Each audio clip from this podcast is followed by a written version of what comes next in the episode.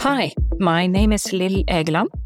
I am a partner of the law firm Simonsen Vogt Wiig, heading up the employment law department of our firm. Now, when I work with employment law, obviously the majority of the advice that I provide to clients will happen in Norwegian.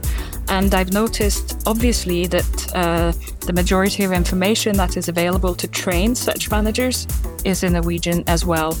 However, a large part of my clients are also foreign. My thinking is that a number of these clients could benefit from a short and sweet introduction to several topics related to employment law in Norway.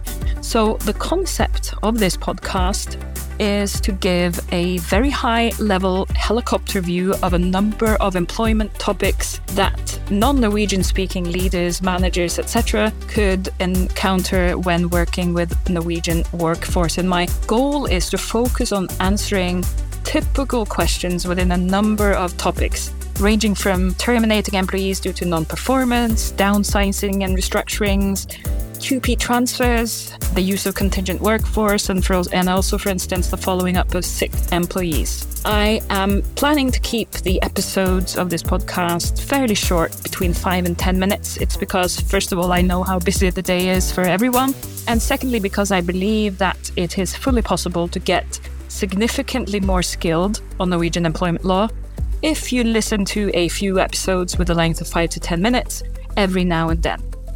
I also host a Norwegian podcast on employment law. There are two purposes of that podcast. The first purpose, obviously, being to educate anyone who wants to listen to Norwegian employment law in Norwegian. However, I had another purpose of it when I started it, and that was for people to get out and take a walk while they listen to the podcast because the benefit of that obviously is that uh, you get to stretch your legs, your brain will function better, you will learn more, and then you would also have better benefit from the podcast. So I would do I would in this podcast encourage you to do the exact same. You will feel more refreshed and happy if you go out and take a walk while you listen to the episodes, and then you will have learned some more about Norwegian employment law as well.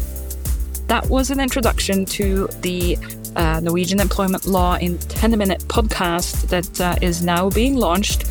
I hope you will benefit from it and I hope you will learn some Norwegian employment law. Looking forward to having you listen in to the podcast again. Enjoy your day.